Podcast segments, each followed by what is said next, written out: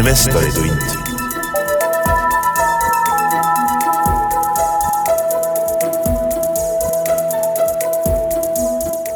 tervist, lugupeetud Investoritunni kuulajad, mina olen Joonas Piir, Investoritunni saatejuht. uus investeerimisaasta on äsja alanud ning krüptorahaturg on üle pika aja taas aktiivne. täna on mul stuudios krüptoraha platvormi Change'i peatne uus tegevjuht Marek Pajussaar ja selle üks asutajatest Gustav Liblik, kellega räägime ettevõtte tegevustest ja krüptomaailmast üleüldiselt. tere, Marek ja Gustav! tere, head podcasti kuulajad! tere, tere! Äh, möödunud aasta oli Change'i jaoks murranguline aasta, ma arvan, et äh, nõustute sellega, et uus omanik, tegevjuhi vahetus äh, ning aasta lõpus teatasite ka, et olete kasumile, kasumile lähemale jõudmas. jah, no kui täpsustada, siis, siis jah, aasta lõpu seisuga öö, oleme me teinud suuri edusamme sellel suunal, et jõuda sinna punkti, kus meie rahavood on tasakaalus ehk siis inglise keeles öeldakse selle kohta clash, crash, cash flow, jah, cash flow break even. et, et see on, on olnud meil eesmärgiks äh, niimoodi vaikimisi ja siis kahe tuhande kahekümne neljandal aastal on see siis äh, minu kui uue äh, tegevjuhi peamine eesmärk tagada seda, et ettevõte oleks finantsiliselt jätkusuutlik mm -hmm. läbi siis nende tasakaalus rahavoogude aga samas jah, kui startup'i teed, siis ilmselt äh, seestpoolt on iga aasta murranguline, et see äh, võib-olla oli natukene murrangulisem, aga samas iga aasta on selline väljakutse, et mm, -hmm. et äh, noh, suures plaanis miski ei muutu, et et iga aasta tuleb uute, uute väljakutsete ja ohtudega silma, noh, siis silma sisse vaadata ja ja, ja edasi minna.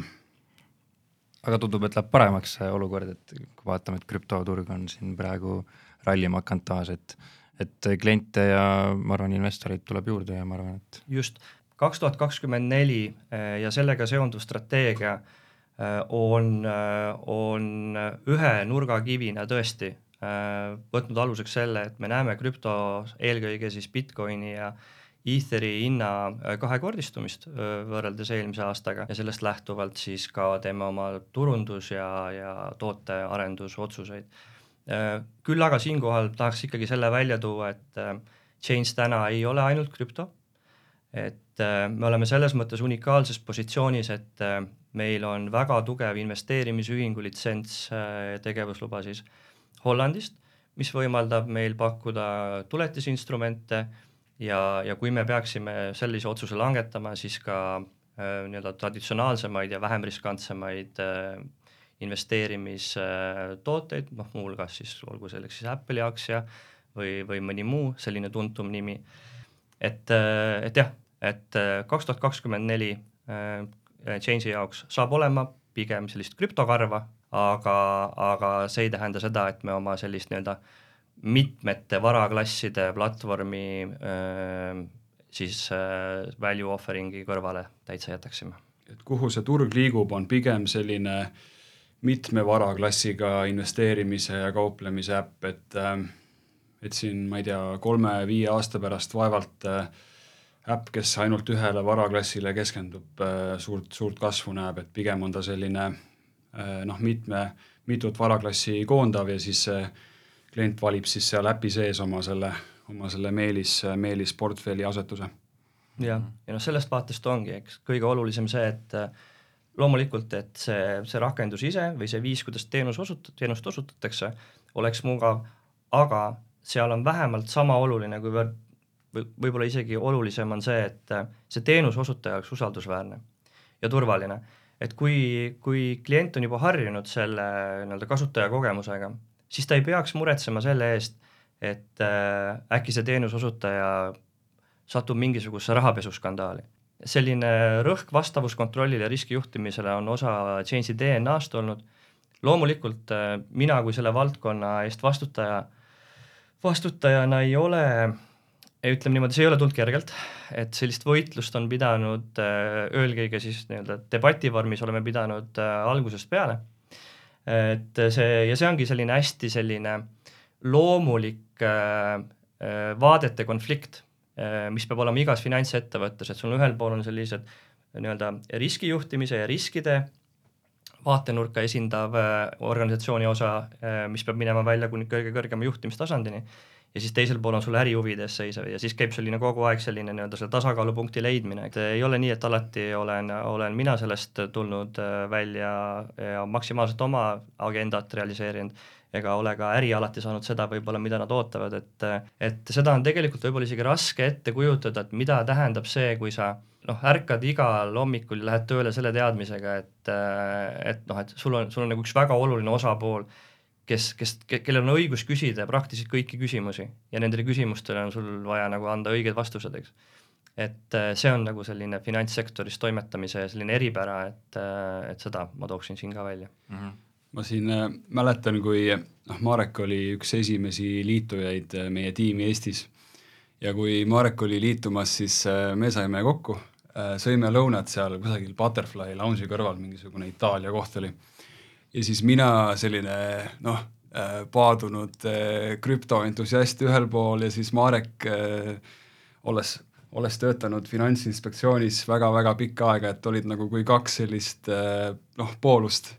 ja see algus oli ikkagi, ma ütleksin, võrdlemisi rabe mm, -hmm. kui, kui seda kokku võtta, aga nüüd me oleme kuidagi aastate jooksul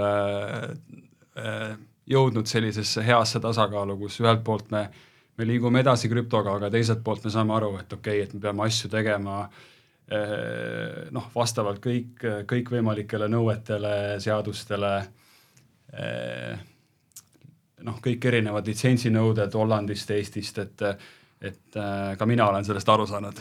jah, ja tegelikult on ju see, et eks krüpto on jõudmas ka sellise olulise verstapostini eelkõige siis Euroopa Liidust või Euroopa majanduspiirkonnast vaadatuna, et äh, on jõustunud siis kogu seda valdkonda harmoniseeriv õigusakt äh,, MiCA, ja, ja, ja tegelikkuses äh, olles nüüd töötanud äh, väga lähedalt äh, Hollandi investeerimisühinguga, siis sisuliselt me näemegi, kui palju kui palju on kopeeritud siis sellest, mida oodatakse investeerimisühingult Ähm, ja, ja seda, mida oodatakse nüüd tulevikus krüptoettevõttelt, et et tegelikult need maailmad on äh, nii-öelda siis nüüd nagu niimoodi kokku jooksmas ja, ja need nõuded äh, on, on äh, oluliselt karmistumas nüüd krüpto poolt vaadatuna, krüptoettevõtte poolt vaadatuna, aga jällegi noh, eesmärk on, on lõppkokkuvõttes ikkagi õige. ehk kaitsta investoreid nii-öelda ebaturvaliste ja siis äh, võib-olla ebakorrektsete sisekontrollidega või puudulike sisekontrollidega ettevõtete eest, et eh, noh. ehk kokkuvõttes olete siis nagu selle poolt, et oleks see maailm võimalikult läbipaistev ja et noh, kahe tuhande kahekümne viiendast aastast hakkab ju Finantsinspektsioon järelevalvet teostama, et just et jah, et see on ka suur areng. jah, ega ma, ma selles mõttes jälle teistpidi ei ületähtsustaks võib-olla seda, et et et äh, kui pannakse nagu seadusega mingisuguseid karmi nõudeid juurde või kirjutatakse mingisuguseid juhendmaterjale, tegelikult see kõik hakkab ikkagi sellest organisatsioonist pihta mm. -hmm. et kas organisatsioonile on tähtis äh, pakkuda turvalist ja, ja hästi läbimõeldud teenust. et äh, ka nende seaduste piires me oleme näinud ju, mis kehtivad, mis nõuded, mis kehtivad pankadele, ikkagi äh, skandaalid leiavad aset, eks leiavad aset rahapesu, pesuskandaalid eelkõige siin meie regioonis on olnud neid, eks.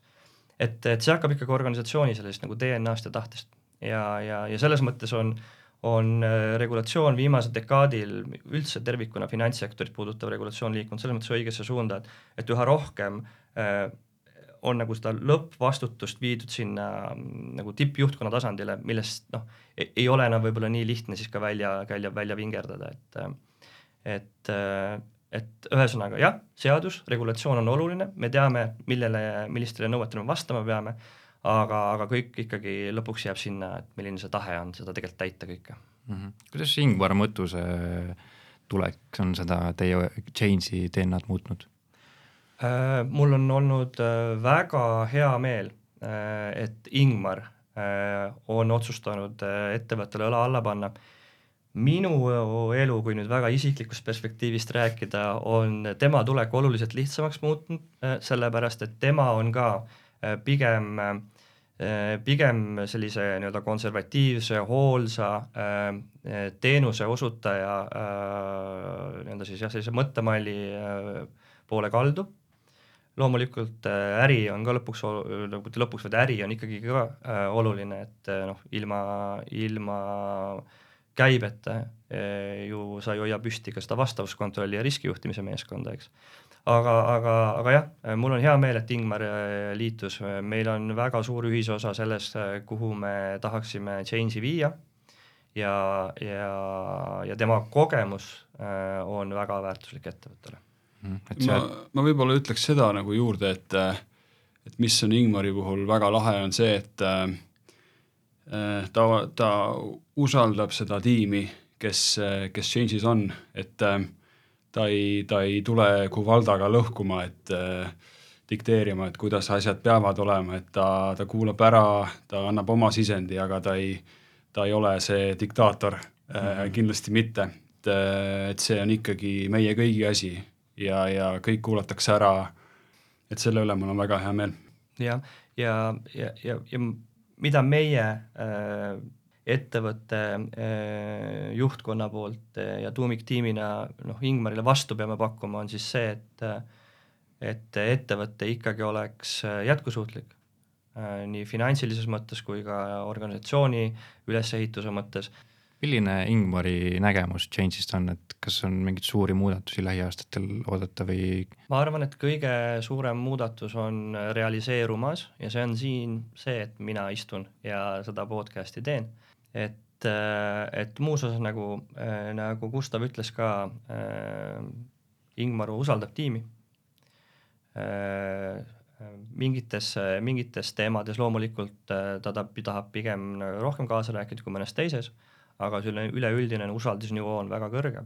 kas Kangro ka sellepärast taandati, et äh, Ingmar ei usaldanud teda enam? Äh, see, seda, seda küsimust võib-olla ei ole päris õige niimoodi küsida, et äh, ikkagi sellist kiire arengupotentsiaaliga ettevõtet ja sellises keerulises ja arenevas valdkonnas nagu, nagu krüptot ka on, on sul vaja, et oleks hea klapp Äh, mõttemalli mõttes, äh, sellise jah, struktuur, struktuuri mõttes äh, ja, ja muu sellise tausta mõttes, et see klapp oleks maksimaalselt hea mm. -hmm. ja, ja siin oleks väga, väga võib-olla vale, ma isegi julgen öelda, sellist olukorda kuidagi isiklikult võtta, kui, kui sulle öeldakse, et noh, sorry, et see et see, see mäng enam nagu maksimumtulemust ei pruugi ära noh, tuua või see, või see meeskonna koosseis et see on täiesti normaalne, et, et ma arvan, et siin noh, mingit sensatsiooni ei ole ja, ja,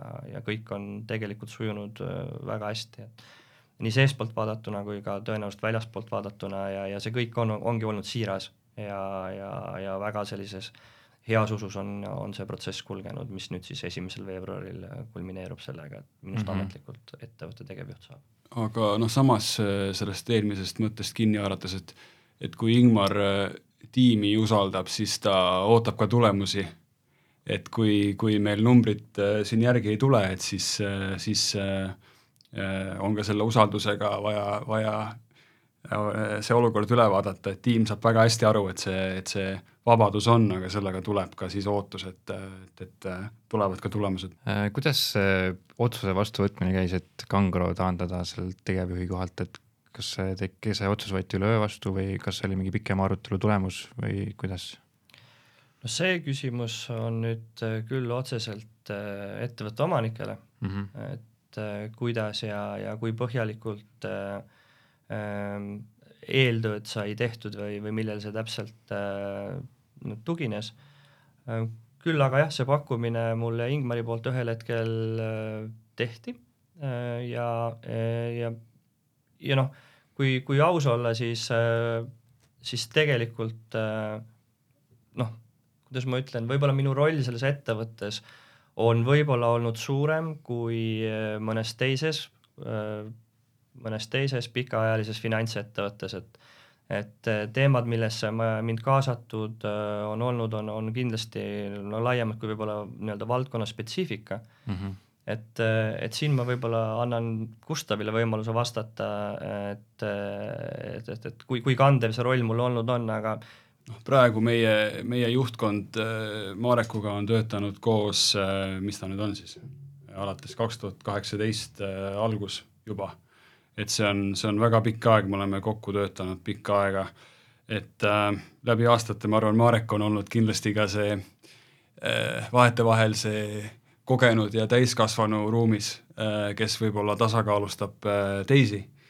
ja noh, ma saan kindlasti öelda ka seda, et organisatsiooni sees on, äh, on toetus Marekule noh, väga suur. aga eks siit on veel tükk maad minna, et kuna ma iga tiimiliikmega püüan teha ära sellise üks-ühele vestluse, et ei ole veel kõike jõudnud teha, aga, aga siis, siis siis, siis sealt ikkagi kumab läbi, et äh, need ootused, need ootused on, on, on suured äh, ja, ja kui me mõtleme, milliseid inimesi me oleme püüdnud oma organisatsiooni värvata ja meie nii-öelda missiooni kaasata, siis, siis nemad ongi kõrgete ootustega inimesed, nemad tahavad, äh, nemad tahavad saavutada äh, töö ja töö kaudu enda realiseerimine on nende jaoks oluline. ütleme niimoodi, ma oleks pigem hoopis üllatunud, kui, kui neid ootuseid nii kõrgeid ei oleks mulle. millised on need esimesed suuremad muudatused, mis te tahate ellu viia? tegelikult selliseid äh, äh, väikseid jupikesi on kogunenud äh, päris palju, et kaks tuhat kakskümmend kolm aasta äh, tähendas Change'i jaoks ju ka nii-öelda olulist kulude kokkutõmbamist ja, ja tiimi ümberstruktureerimist, et oleks üldse võimalik äh, viia läbi äh, need koondamised. Ja, ja eks sealt on äh, tegelikult jäänud veel nii-öelda vastutuse alad osaliselt ümber jaotamata ja, ja tööülesannete vastutused, et ma ise näen ennast võib-olla pigem kui sissepoole elav juht, selles mõttes organisatsiooni sissepoole elav juht et äh, mind, äh, mind teeb õnnelikuks see, kui ma näen, et äh, inimesed on, on motiveeritud ja, ja õnnelikud ja, ja teotahet täis. et ja seal on nagu oluline ikkagi ka see, et, et need vastutused oleksid jaotatud ja inimesed teaksid täpselt, mida nad tegema peavad ja mida neilt oodatakse. et sealt see sära sinna silmadesse tegelikult tekib ka paljuski kas selles osas on ka suurim erinevus võrreldes Kangroga, et äh, peate enda inimestest lugu, sest et mulle, mulle on silma jäänud see, et töötajad, kes on teie juures varasemalt töötanud, et hästi palju negatiivseid äh, kommentaare ja kriitikat tuleb Change'i suunas, et äh, no siin tuleb ka selles mõttes äh, vaadata, et kas seda tõesti, seda negatiivset tagasisidet on palju või, või võib-olla seal on äh, paar inimest, kes äh, noh, suudavad nii-öelda selle eetriruumi ära täita. aga sellest, sellest hoolimata, et ma ei ütleks, et eelmise juhi all noh, oleks seal olnud mingisugune väga niisugune drakoonlik ja ja, ja niisugune nagu halb, halb töökeskkond, et see, seda, seda kohe kindlasti mitte loomulikult, eks sealt mingid õppetunnid on, mida mina püüan nüüd äh, paremini teha, äh, aga, aga ma nende jah, äh, ma pigem ikkagi loeksin neid üks-kaks töötajat, kes on sellise võib-olla tugevama negatiivse emotsiooniga ära läinud, aga, aga seal ma tuleks jälle selle juurde tagasi ka, et et me ikkagi, see on osa meie värbamisprotsessist, et me värbame inimesi, kes on kirglikud, kes tahavad midagi saavutada, tahavad ära teha asju ja nüüd, kui see, see, see teekond järsult katkeb mm, -hmm. eks, katkeb küll võib-olla selle isik, inimese vaatest äh, nagu isegi nagu ikkagi saad aru, et see on nagu objektiivsetel põhjustel, aga see tunne on ikkagi halb, eks. ja, ja, ja need inimesed leiavad selle viisi, kuidas seda kanaliseerida, seda, seda negatiivsust, et äh, et äh, see, see nii juba on, aga mitte kunagi ma ei asendaks nagu selles mõttes seda riski, et keegi pärast kirjutab äh, halvasti sellega, et ma võtaksin keskpäraseid inimesi tööle. võib-olla jah, olles siin algusest, äh, noh, peaaegu algusest peale äh, nagu tänaseni, et et ma olen seda change'i näinud äh, nii heas kui halvas, nagu mm -hmm. öeldakse. et äh, kui meil olid siin, siin väga, väga head aastad, kaks tuhat kakskümmend, kakskümmend üks, ettevõttel läks hästi, saime inimesi juurde palgata äh,, Äh, noh, vibe oli, oli väga kõrgel, et, et äh, siis, siis oli ka see, oli ka see tagasiside väga positiivne ja ja, ja nüüd me üheksakümne inimese pealt oleme 22 on kukkunud kahekümne kahe või kahekümne kolme, midagi sinnakanti, ma täpselt ei teagi. koondamislaineid on olnud mitu ja noh, ega kellelgi pole olnud hea olla seal, selle koondamislaine keskel, et noh, see ümberstruktureerimine, siis kogu see, noh ikkagi väga head inimesed on olnud. Mm, -hmm. kõvasti on, on kõik panustanud, et ega need inimesed, kes, kes jäid, et ega neil ka siis, ma ei tea, mingit väga-väga head enesetunnet ei olnud, et see oli ikka noh, üleüldse tume aeg. Ja ma arvan, et see, et see hea aeg, kus olid siis võib-olla, kus oli väga hea tagasiside, ja siis see, see halb aeg nüüd, kus on tulnud negatiivset, et ma nüüd loodan, et me saame sellele heale ajale tagasi ja, ja saame ka selle, selle nagu vibe'i tagasi, aga see ei tule üleöö kindlasti. ja ma arvan, et need inimesed, kes on olnud pahased, et neil on ka õigus äh, olla pahane ja, ja ja selle vastutuse me kõik võtame, et see startup käibki tihtilugu üles-alla nagu Ameerika mäed, eriti krüpto, äh, noh, krüptoga seotud äh, startup, et et see ta on. kas siis üheks eesmärgiks on ka siis avaliku maine nii-öelda parandamine, et? jah, et äh, selle võib selgelt välja öelda, et äh, Eesti turg ja see, kuidas ähm, äh, meie ettevõtet Eestis nähakse, on meile väga oluline. ja, ja, ja siin üleskutse ajakirjanikele, et ähm, kui te tunnete, et on mingid teemad, mille puhul äh, äh, saaksime meie kaasa rääkida, siis võtke ühendust, et äh, kindlasti me oleme, oleme võib-olla avatumad sellistele ettepanekutele ja kutsetele, kui me ajalooliselt oleme olnud, aga jällegi, et et see, et me võib-olla ajalooliselt ei, ei ole igat kutset vastu võtnud, ei tähenda alati seda, et meil on olnud midagi varjata, vaid jällegi seal on selle nii-öelda fookuse küsimus, et et kui fookus näiteks on ikkagi hoopis Hispaania-Itaalia turg, eks, noh, siis sa mõtled hoolikalt, et kuhu sa seda aega ja ressurssi paned, eks. ja ma arvan, et noh, toote vaatest ka, et ajalooliselt me oleme üks juhtivatest valikutest olnud äh, Eesti, Eesti turul äh,. me oleme eesti keeles, äpp on eesti keeles, klienditugi eesti keeles äh,, Eesti kontor, Eesti litsents Eesti inimesed. et Eesti turg on, on meile kindlasti väga oluline ja, ja siin, siin teha hea tulemus samuti ja see ei, see ei ole ainult äh, hea tootetöö, vaid see on ka äh, kommunikatsioon äh, avalikkusega ja, ja muud asjad, et. aga räägiks pisut äh, change'i tokenitest ka, et äh, kui palju inimesi on tänaseks äh, konverteerinud ümber? seda statistikat mul, mul kohe võtta ei ole, et see protsess on veel käimas. võib-olla kuulajatele, et äh, nii-öelda konverteeritavat õigust esindav äh, CNG token äh, oli siis äh, nii-öelda meie enda äpis kaubeldav. Ja selle kauple, sellega kauplemine on nüüdseks lõpetatud, aga käimas on siis protsess, kuidas sellest token'ist on võimalik saada Funderbeami platvormil kauplev nii-öelda osak. Ja see protsess lõpeb meil veebruari lõpu seisuga. Ja siis me saame need numbrid kokku lüüa kui palju, kui palju siis ähm, äh,, kui palju siis investoreid selle konverteerimisprotsessi läbi, läbi tegid. et nende protsessidega noh, ajalugu on näidanud, et et äh, palju inimesi on sellisel nagu äraootaval seisukohal ja, ja teevad pigem selle otsuse nagu seal viimase nädala jooksul. aga mis saab nendest investoritest, kes ümber ei konvert-, konverteeri, et kas nemad jäävad siis enda rahast ilma või? jah, no me püüame omalt poolt teha kõik, kõik oleneva, et kuni selleni välja, et investoritele helistada ja tuletada neile meelde, et selline protsess on käimas äh,. ja, ja siin ka kuulajatele üleskutse, et, äh, et juhul, kui äh, oled ka äh, CNG tokeni omanik, siis, siis kindlasti tee aegsasti see konverteerimine ära. kui palju seda Nasdaqi võimalust on kasutatud? Nasdaqi võimalust, äh, ehk siin on siis äh, jutt sellest, et et CNG omanik on pidanud mingil põhjusel oluliseks, et saada siis mitte äh, nii-öelda selle osakute omanikuks Funderbeamil, vaid saada nagu neid, äh, justkui neid päris aktsiaid. noh, minu teada on neid kuskil viis-kuus tükki mm -hmm. ja, ja seal, seal, mis on nagu oluline, on see, et äh, neid investoreid iseloomustab see, et nad on pikaajalised ja nende positsioon on keskmisest nagu kordades-kordades suurem.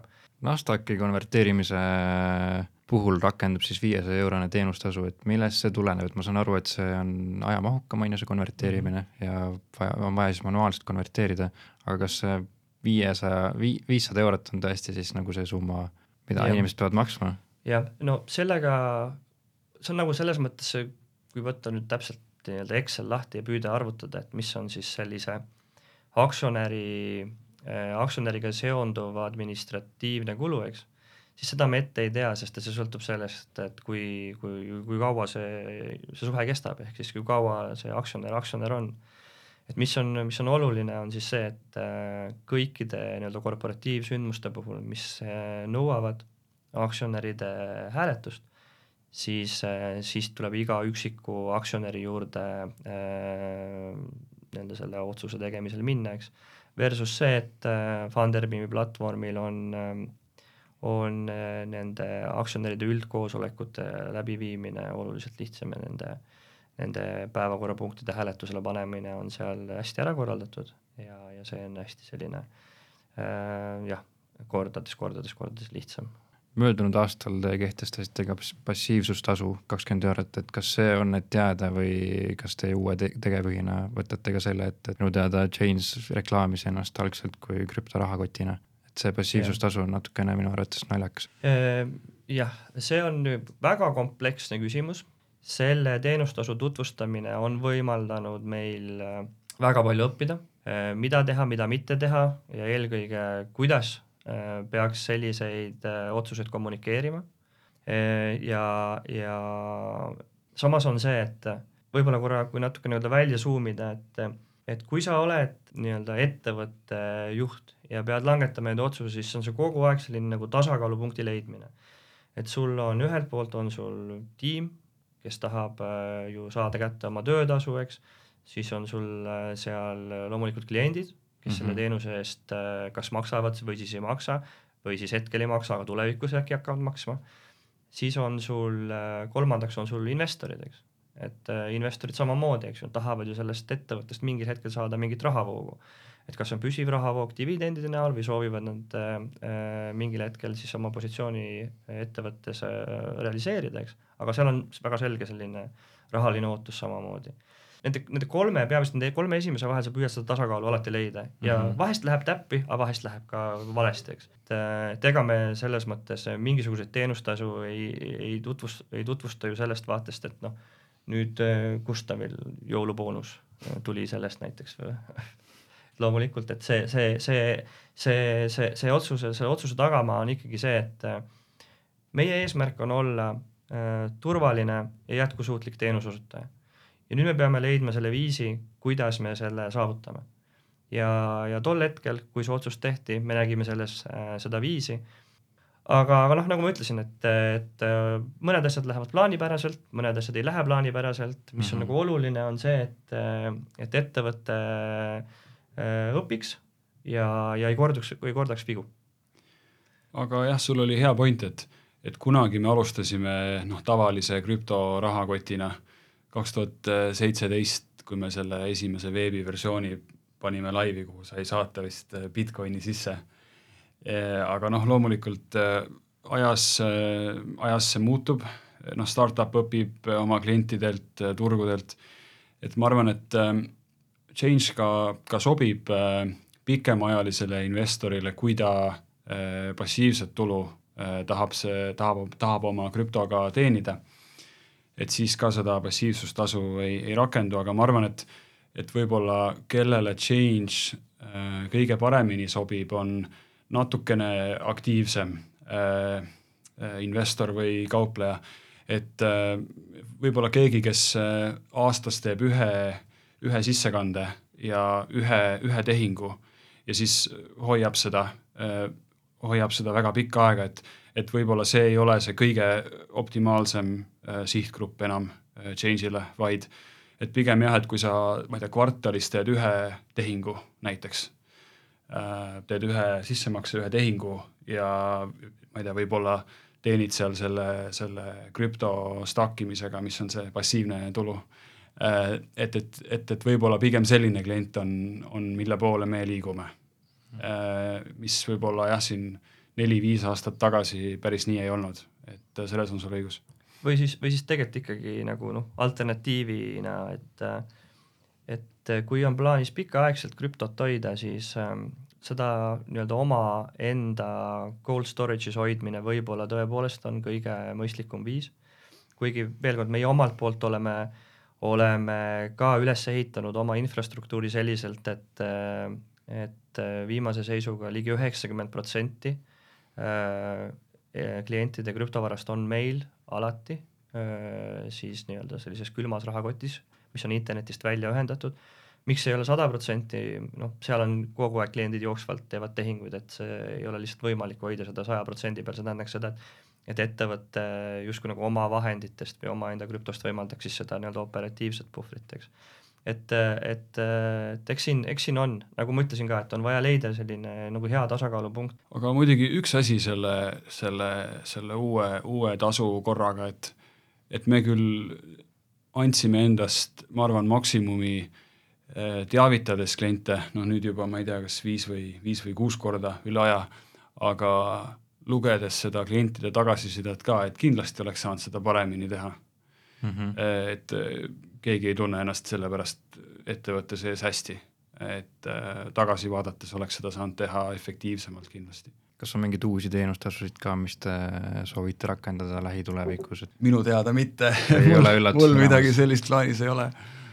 jah, pigem tutvustaks uusi teenuseid kui mm -hmm. uusi teenustasusid mm. -hmm. räägime natuke ka sellest Telegrami grupist, et äh, minu teada on suhteliselt äh, oluline hulk inimesi sealt ära bännitud, ehk siis eemaldatud, kes on siis nagu veits kriitilisemalt äh, kommenteerinud teie tegevust. et kas äh, uue tegevjuhina te kuidagi muudate seda ban policy't ka või, või, sest ma tean, et on äh, mingid alternatiivsed grupid tekkinud, kus arutatakse mis ju tegelikult näitab eelkõige seda, et et, et, et meie community on, on nagu tugev ja selline lively, eks. Et inimestele et, läheb korda, jah. just, et, et sa noh, võid, võid astuda omapoolseid mingeid samme, aga, aga sellele leitakse alati noh, nii-öelda alternatiivne viis. tegelikkuses peamine põhjus, miks selline väga vaba Telegrami suhtlusgrupp sai ühel hetkel kinni pandud, oli see, et äh, meil tekkis ähm, klienditoe poole pealt tekkis nagu juba raskus aru saama, et nagu noh, et, et, et kuidas nagu see kliendipoolne nagu jah, siis nii-öelda probleemi tõstatamine või mingi küsimuse tõstatamine, kuidas see nagu käima peab. et kas selleks on ikkagi see ametlik äh, nagu support kanal, eks ju, ja, ja, ja kõik need äh, Äh, nii-öelda ticket'id koonduvad sinna või peavad nad samal ajal menetlema mingisuguseid pöördumisi ka seal, äh, seal WhatsApp grupis. ja noh, mis seal oli ka selline trend, äh, oli ju see, et reede õhtu või laupäeva õhtu ja siis see nii-öelda kliendi mure, mure, kliendipoolne mure esitamine ei olnud ka enam nii selge, et, et, et, et et seal oli ka, seal ühel hetkel muutus, see haldus muutus lihtsalt nii koormavaks. jah, et me alustasime kunagi selle ingliskeelse grupiga ja siis me äh, ühel hetkel tegime eestikeelse grupi. ma ütleks seda, et me oleme väga palju saanud sellest, sellest grupist, et äh, sellest on olnud suur, suur, suur kasu, aga samal ajal on ka olnud suur äh, koorem. see, see grupp läks üle ootuste suureks, ta läks nii suureks ja eelnevatel aastatel meil on, noh, tiim on olnud palju suurem, meil on olnud rohkem ressurssi, et seda aktiivselt ka manageerida. et äh, noh, seal on erinevad probleemid, et kes seal, kes seal annab väga konstruktiivset tagasisidet mm, -hmm. kes räuskab, kes noh, ühesõnaga, et see, et see vajas ikkagi päris palju meilt äh, tööd ja siis tuli see otsus, et okei okay,, et paneme selle äh, eestikeelse grupi, mina nimetan pausile Äh, mitte, mitte kinni, et, et, et me jõuame seda ingliskeelset gruppi hetkel ilusti manageerida, sellega on, on korras, kui meil võib-olla tiim kasvab, äh, noh, meil hetkel isegi marketing tiim on väga väikene, et kes üldse saaks seda, seda, seda manageerida, aga ma, mina ise loodan, et me ühel hetkel saame selle taas avada. ja ma tahaks äh, suuremat osa sellest grupist tänada, et nad on olnud meiega kogu selle aja, et, et seal mõni liige on tõesti alates kaks tuhat seitseteist juba ja annab tagasisidet ja, ja, ja, ja osaleb, et, et, et selle, et selle üle meil on, meil on väga hea meel. et äh, kindlasti, kindlasti tahaks, tahaks, tahaks seda, seda kõike, kõike niimoodi konstruktiivselt ja, ja sama selliselt kihavalt edasi teha, aga jällegi siin on nagu fookuse küsimus. et kui me räägime, et et äh, kas meie grupist on inimesi eemaldatud, kindlasti on. kas kõik eemaldatud inimesed on äh, põhjusega eemaldatud? ma ütlen, et ei ole tegelikult, aga mis on põhjus, on nagu see, et seal on seda ressurssi nii vähe, siis on meil tiimi sees mingisugune diskussioon, et, et keda nüüd eemaldada, keda mitte, ja sealt on kindlasti, kindlasti on, on äh, mõned inimesed eemaldatud võib-olla nii noh, sellisel viisil, et ta tegelikult ei vääri seda mm -hmm. ja seda me, seda me tegelikult ei taha. aga nendel inimestel ei ole siis võimalust pääseda tagasi sinna, et seda infot äh, ammutada, mis te seal jagate või? on küll, äh, tegelikult siin, siin viimase kuu-kahega on see hakanud äh, liikuma mm -hmm. tegelikult, aga aga jah, et me, ma ei tea, lubada midagi ei julge, et millal see, millal see eestikeelne grupp meil uuesti võiks lahti tulla, aga nagu ma ütlesin varem, et see, et see Eesti on meie fookus et tegelikult noh, make sense, et see, et see grupp on ju ka lahti mm. -hmm. aga ta tuleks natukene süsteemsemalt läbi mõelda, et et mis, mis see siis see kord seal on ja kuidas me saame siis tagada sellise noh, konstruktiivsema äh, nagu vestluskeskkonna, mis oli võib-olla või noh, nagu võrreldes sellega, mis oli, mis oli varem. aga räägiks veits üleüldiselt ka krüptost. kuidas inimeste käitumine on ajas muutunud, et just nagu krüptoraha suhtes et kas on näha mingeid uusi trende või, või? No ma ütleksin võib-olla niiviisi, et äh, meil on kaks peamist äh, krüptokasutaja tüüpi.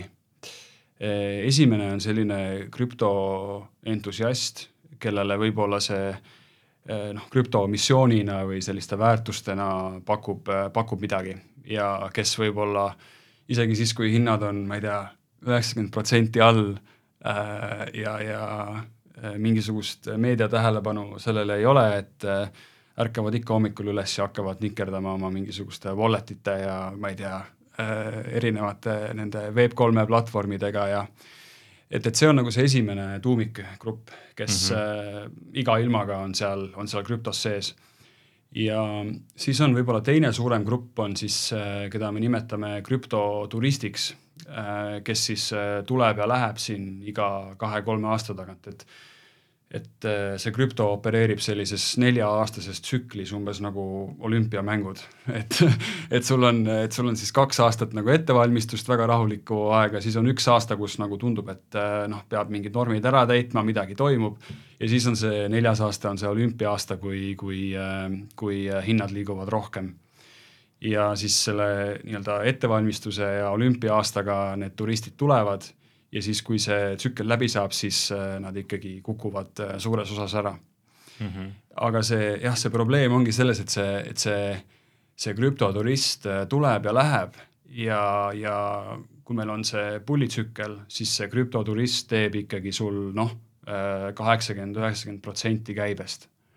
ja see kaheksakümne protsendine tükk siis iga kahe aasta tagant tuleb ja läheb, vähemasti senimaani ja, ja see on nagu, see on meie suur väljakutse ka, et see eelmine, eelmine krüptotsükli tipp oli kakskümmend üks äh, lõpp äkki ja ikkagi sealt äh, kukkus see käive ja kasutajad noh, kolinal kaheksakümmend, üheksakümmend protsenti. Ja, aga see ei olnud kuidagi unikaalne meile, et see on jaa, et see oli Coinbase'il sama, Robinhoodil sama, et äh, et ühesõnaga, meie siis püüame luua nagu sellist olukorda, kus sellel entusiastil on, on piisavalt äh, väärtust meie äpis, et siin äh, meiega olla, aga samal ajal me peame olema valmis äh, teenindama neid äh, turistide horde, kes, kes nende uute, uute, uute hinna, hinnaliikumistega sisse tuleb. ja mõlemad on olulised äh,, olulised kliendid, et kumbagi ei saa nagu kõrvale jätta mm. -hmm millal siin äh, kodumaisel väiksel investoril on võimalik krüptorahafondidesse äh, investeerida? no tegelikult see võimalus on, äh, on olnud olemas, et, et võib-olla isiklikke investeeringuid ei ole võib-olla õige niimoodi avalikuks teha, aga ma võin öelda, et pärast seda, kui teises sambas oli, oli võimalus hakata ise oma investeeringuid juhtima siis, ähm, siis mina oma pen-, teise pensionisamba aeg-ajalt täiesti nii-öelda siis äh, Bitcoini panen. ja kasutades selleks siis instrumenti, mis kaupleb, äh, kui ma ei eksi, vist äh, siis Nasdaq Stockholmil. ehk et tegelikult Euroopas on olemas selline ETF-i laadne instrument juba enne seda, kui nüüd siin see asi Ameerika Ühendriikides suureks läks pärast seda, kui kohalik väärtpaberituru järelevalve need Bitcoini ETF-id siis nagu heaks kiitis. et ühesõnaga äh, see, see instrument on, on olemas olnud, äh, aga jällegi, äh, eks see nii-öelda kurat peitub nendes detailides, et kui mm -hmm. sa hakkad ikkagi vaatama, et noh, siin oli probleeme ja, ja selliseid muresid ja, ja pahameelt meie nii-öelda passiivsustasuga seoses, siis, äh, siis näiteks ETF-ide puhul seal äh, võetakse kaks ja pool protsenti aastas, eks, et, äh, et kui nüüd need suuremad positsioonid selles ja ma ei ütle, et, et kõikides võetakse kaks pool, vaid ma lihtsalt tõin ühe, võib-olla ühe sellise nagu markantsema näite. et minu üleskutse on ikkagi investoritel, investorite suunaline, et mida, mida, mida volatiilsem ja seetõttu ka mida riskantsem ja uuenduslikum on see nii-öelda investeerimisobjekt, seda rohkem tegelikult on vaja sinna seda tähelepanu suunata, et mm, -hmm. et olla nendes, nende detailidega kursis, et et ei tuleks, et ei tuleks üllatusi tagantjärele, et kui seda, seda mahti ei ole ja seda aega ei ole, et siis peab väga hoolikalt kaaluma. aga jah, see, see börsil äh, kaubeldav Bitcoini fond, mis nüüd jaanuaris läks äh, Äh, läks laivi äh, Ameerika Ühendriikides, et see võib olla noh, suurim sündmus äh, krüptos alates Bitcoini enda, enda käivitumisest, et et ikkagi kuni selle jaanuarini seda noh, krüpto, eelkõige siis Bitcoini hinda on tegelikult tavainvestor liigutanud.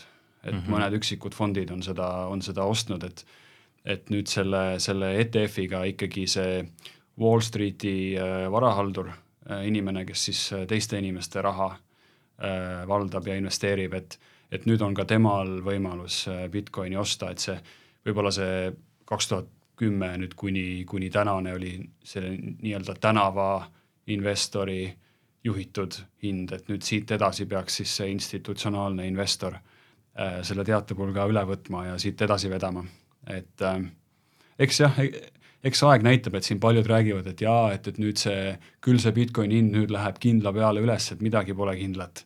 aga, aga noh, ma ju, ma arvan, et Bitcoin täna on parimas kohas, kus ta on äh, kunagi olnud.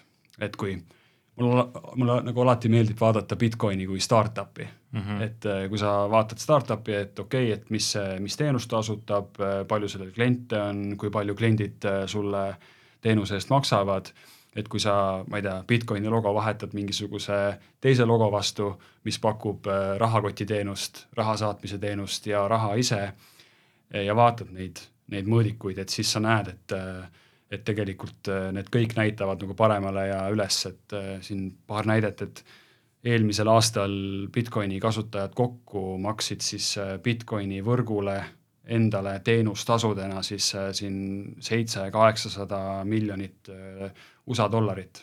Ja ma vaatasin ka välja sellise fakti, et eh, kui palju on meil aadresse, kus on üle null koma null ühe Bitcoini, mis on nelisada, nelisada eurot umbes täna, et et see number on kolmteist miljonit. Äh,, päris palju. Äh,. et noh, ma ütleks, et mina küll investeeriks sellisesse startup'i, millel on sellised meetrikud. äh,, jättes kõrvale selle, et see on nagu Bitcoin, et kui sinna mingi muu firma logo panna, siis ta oleks äh, väga hea makse- ja rahakotiteenus, väga heade numbritega, et ähm, et jah, ma ütleks, et me oleme heas kohas, aga aga see ei garanteeri nüüd äh, hinna liikumist.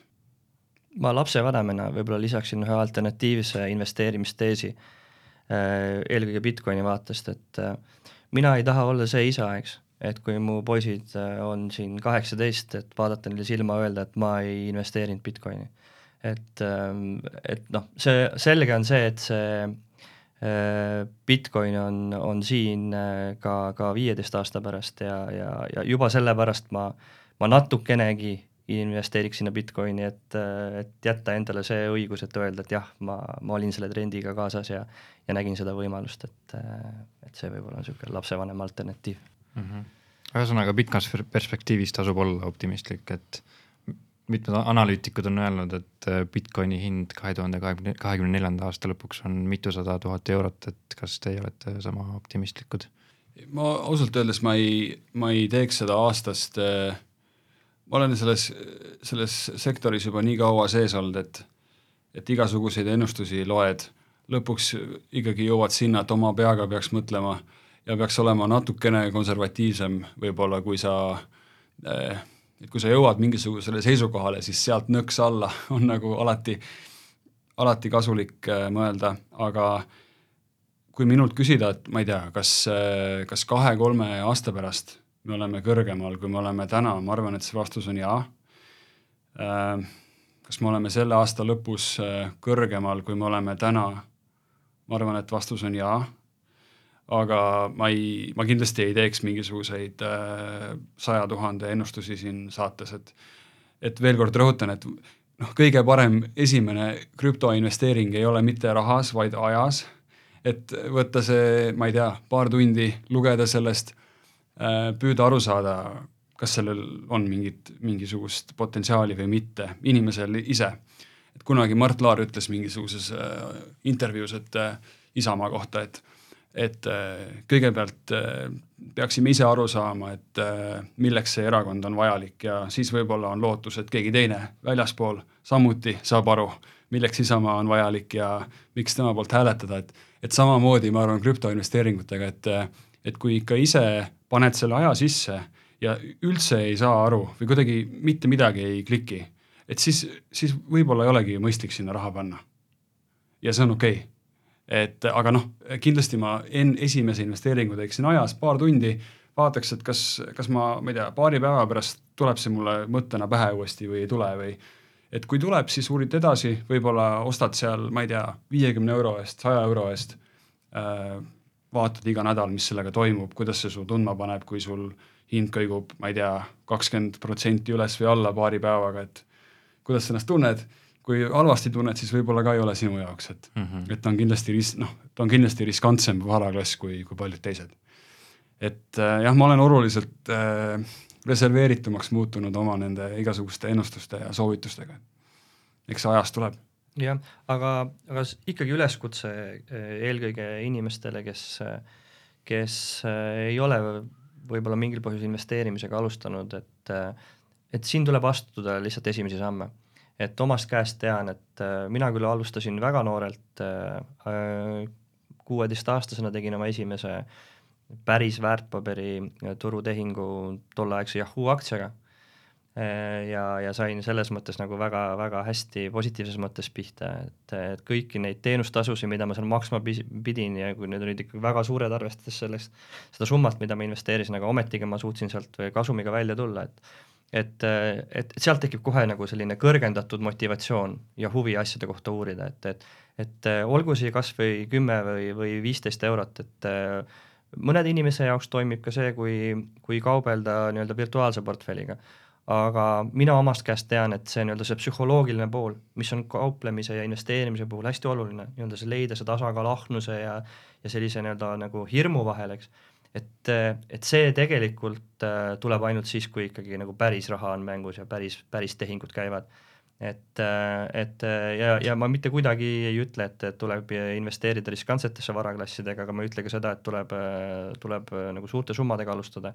aga, aga, aga, aga alustada, alustada, alustama ma nii-öelda julgustaksin küll kõiki, kõiki uusi investoreid ja aga kui palju tegelikult on neid investoreid, kes sellest plokiahelast ja krüptovarast üldse aru ei saa, mina kaasa arvatud see tundub nii keeruline ja nagu sa ütlesid, et paari päevaga võiks nagu enam-vähem selgeks saada või nagu midagi aru saada, aga kas see on reaalne, et mm? -hmm. no praegu meil on äh, umbes, maailmas on äh, tiba alla kuuesaja miljoni inimese, kellel mingisugune krüpto kusagil äh, rahakotis istub. Et äh, ju seal midagi on, kui, kui selline hulk inimesi seda on, seda on juba hakanud mm -hmm. kasutama, aga, aga ka mul, ma ütleksin, et minu paremate sõprade ringist paljud on õppinud äh, finantsi, töötavad äh, traditsioonilisemas äh, noh äh,, siis finantssektoris ja, ja mina olen nendega rääkinud äh, kogu selle aja äh, krüptost, aga nad on, nad on seni skeptilised, aga ma ütleks, et äh, põhjusega, et seal mm -hmm. ei mhm. ole nagu õiget või vale vastust, et et äh, need on lihtsalt inimeste arvamused ja, ja see kajastub ka hinnas. et mm -hmm. noh, krüpto ei ole selline konsensusinvesteering, et et kõik saavad aru, et okei okay,, et sellel peab mingi väärtus olema. ja võib-olla jah, ma oma algusaastatel olin ka, et noh, et kuidas sa aru ei saa või nagu mis mõttes, et see on ju nii loogiline, tegelikult ei ole. ja võib-olla hoopis mina eksin, eks, et, et see on ka ikkagi, ikkagi täna ka veel võimalik. et ma ei, ma ei, üldse ei äh,, ei pane pahaks inimestele, kes ei saa, kes, kes ei, ei, enda jaoks ei mõtesta seda lahti mm. -hmm. et selles pole midagi veidrat. jah ja noh, neid investeerimisteese on, on tegelikult erinevaid, et ma siin tõin välja selle nii-öelda lapsevanema investeerimisteesi, aga, aga no näiteks, et on olemas sellised instrumendid, mille, millega on võimalik panustada näiteks apelsinimahla hinnale, eks, et on siis sellised tuletisinstrumendid Äh, mis siis jälgivad jah, apelsini, apelsini tuleviku tehinguhindasid, apelsinimahla tuleviku tehinguhindasid ja nis-, ja see on omakorda tekitanud nõudluse instrumendi järgi, millega saab siis kindlustada ennast külmade ilmade vastu. et juhul, kui näiteks Californias on miinuskraadid, eks, siis see mõjutab ju seda apelsinimahla tootmist, eks. ja see mõjutab omakorda siis seda, et hind läheb üles, sest et osa ju sellest saagist äh, hävib päris korralik preemium peab olema seal, mida no, sa võt. maksad, kui sa miinuskraade no, võtad. no vot, et kui me räägime siin, et Bitcoin on keeruline, siis äh, aga noh, samamoodi mõelda selle peale, et kui sa panustaksid temperatuurile, eks mm -hmm., et noh, on, on, eks ju, nõudlus sellise instrumendi järgi äh, olemas.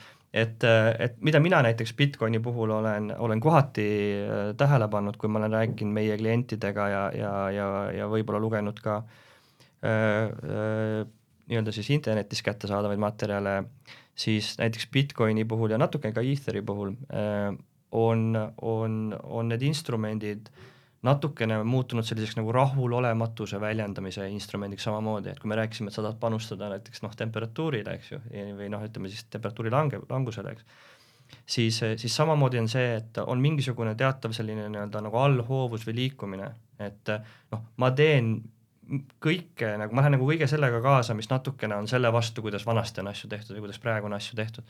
et, et ma, ma, ma mingil määral selle investeerimisteesiga nagu nõustun ka, ehk et siis äh, krüpto võib olla potentsiaalselt üks võimalus, mille kaudu nagu panustada sellele, et, et, et seal kanaliseerub selline rahulolematus äh, võib-olla siis sellise tänase establishment'iga või siis, või siis sellega, kuidas täna asju tehakse. et, et kui, kui nüüd noh igaüks või noh, mitte, mitte igaüks, aga noh, ütleme, kui inimene on valmis sellele kaardile panustama seal, seal kümne, kahekümne, kolmekümne dollariga, siis kui me kokku liidame, siis see on juba nagu suur, suur, suur noh, nii-öelda suur summa, arvestades täna nagu nende krüptode kapitalisatsiooni. aga jah, et võib-olla täna noh, krüpto on palju suurem kui ainult äh, Bitcoin noh, et seitse aastat tagasi see oligi kõik, mis äh, oli sisuliselt, on ju, et täna on, on see, ma arvan, see traditsioonilise maailma ja see krüpto, see kanjon, mis seal vahel on, on palju väiksem, et võib-olla üks see, üks see sillutaja on siis need äh, stabiilsusrahad, kui sa oled kuulnud, stablecoin'id mm, -hmm. et äh, need on siis äh, kusagil, kusagil pangas istuvad äh, USA dollarid ja nende vastu on siis äh, väljastatud äh, plokiahelal siis see token, et üks, üks token on siis üks USA dollar seal kusagil pangas, jah. ja nüüd, kui sa vaatad, kui palju siis plokiahelatel liikuvast väärtusest täna on stabiilsusrahad versus kõik, ma ei tea, Bitcoinid ja Etherid ja muud asjad, siis stabiilsusrahad on seitsekümmend protsenti sellest väärtusest, mis plokiahelatel täna liigub.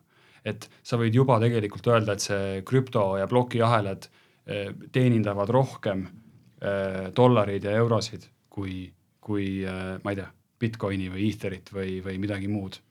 ja noh, et see võib-olla avab seda pilti natuke rohkem, et see krüpto kui tehnoloogia on palju laiem, kui on Bitcoin ise, ise nagu omaette mm. -hmm. ehk et jällegi minu jaoks on see nagu tõestus selle kohta, et need äh, nii-öelda maksed otsivad ka alternatiivseid ja uusi viise, kuidas liikuda, et, et, et need stablecoin'id on äh, ja nende nii-öelda populaarsus on, on näide sellest ja, ja noh, seal võib spekuleerida, et äh, miks miks need maksed otsivad nagu uus, uut võimalust, eks. ja noh, ma lihtsalt ühe, ühe nii-öelda oma ideena pakun seal see, et täna see äh, kui palju võtavad nende, nende kaardiskeemide operaatorid, et see on juba võib-olla nagu ületanud piiri, et see on juba liiga suur summa. kui seal Itaalias kusagil käia, Lõuna-Itaalias kohvikutes, kus kusagil maksta ei saa äh, kaardiga, siis ma usun, et seal parim, parim lootus nendele kohvikupidajatele ongi see, et see plokiahelal olev stabiilsusraha, kus on, kus ei ole seal, ma ei tea, kümmet osapoolt vahel, kes seda makset kõik protsessivad ja kinnitavad ja saadavad ja nii edasi, et kui see, kui see tehingu reaalne tehingutasu tuua päriselt mingi, ma ei tea, sajandikule sendist mm, -hmm. et siis saab lõpuks ka Lõuna-Itaalias oma limoncello kätte mitte sularahas, et äh, aga eks näis, et äh, kindlasti noh, stabiilsusrahasid veel ei olnudki äh, kuus-seitse aastat tagasi võib-olla või kui olid, siis noh, väga-väga väiksel kujul. täna stabiilsusrahad, rahade maht on no, umbes seal Visa maksevõrguga samal tasemel mm. -hmm aga no loomulikult ka me ei saa neid päris võrrelda üks-ühele, kuna stabiilsusrahasid saadetakse ka erinevate krüptobörside vahel ja noh, et see ei ole päris nagu kõik nagu ühetaolised maksed. aga vähemasti me näeme, et see noh, mahud kasvavad, et, et midagi seal on äh, ja, ja noh, lõpuks ta krüpto kasvab nagu Bitcoinist täielikult välja, et see Bitcoin on mingisugune äh, mingisugused nohikud kuskil garaažis sellega alustasid ja see noh, nagu algatas selle suure liikumise, aga see ei jää kindlasti nagu sellele püsima. ühesõnaga, krüptoraha on varaklass, mille poole võiks siis alustav investor vaadata, aga eelnevalt tuleks siis teha veits eeltööd.